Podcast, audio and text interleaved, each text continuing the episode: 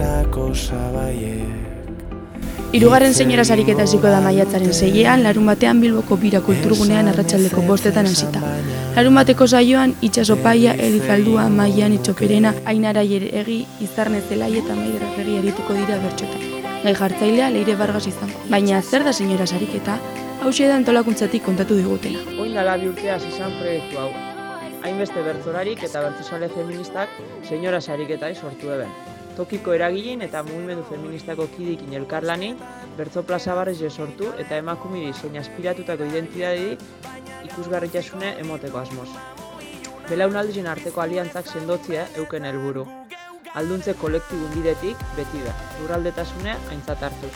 Eta zergatik jarri diote, senyora, zer dago itzorren atzean? Andres Arrakin eta Bakardadiaz lotuniko kontzepturi buelta emona izetzegu. Emakume indartzu bat da, senyora bat, aldun dute dauena itzen eraldaketa hori lortzi da helburua.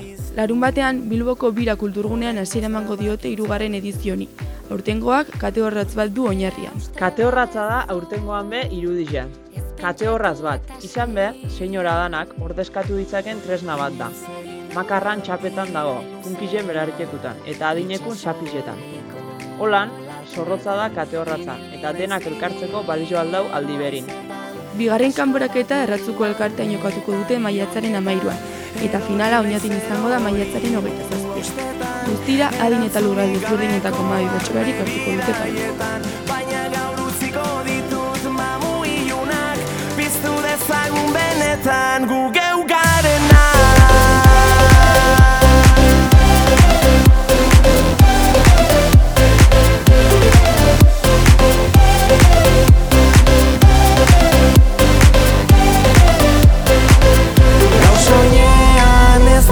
pixurik Hela zartzu bitartean eskutik.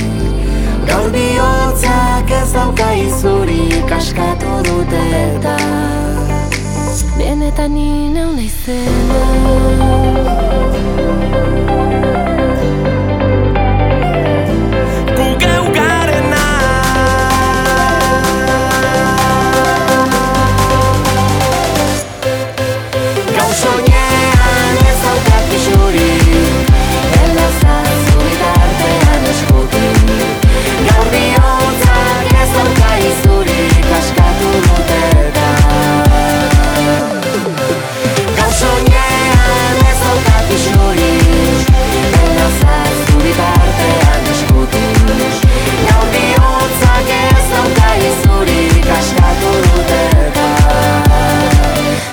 nina unai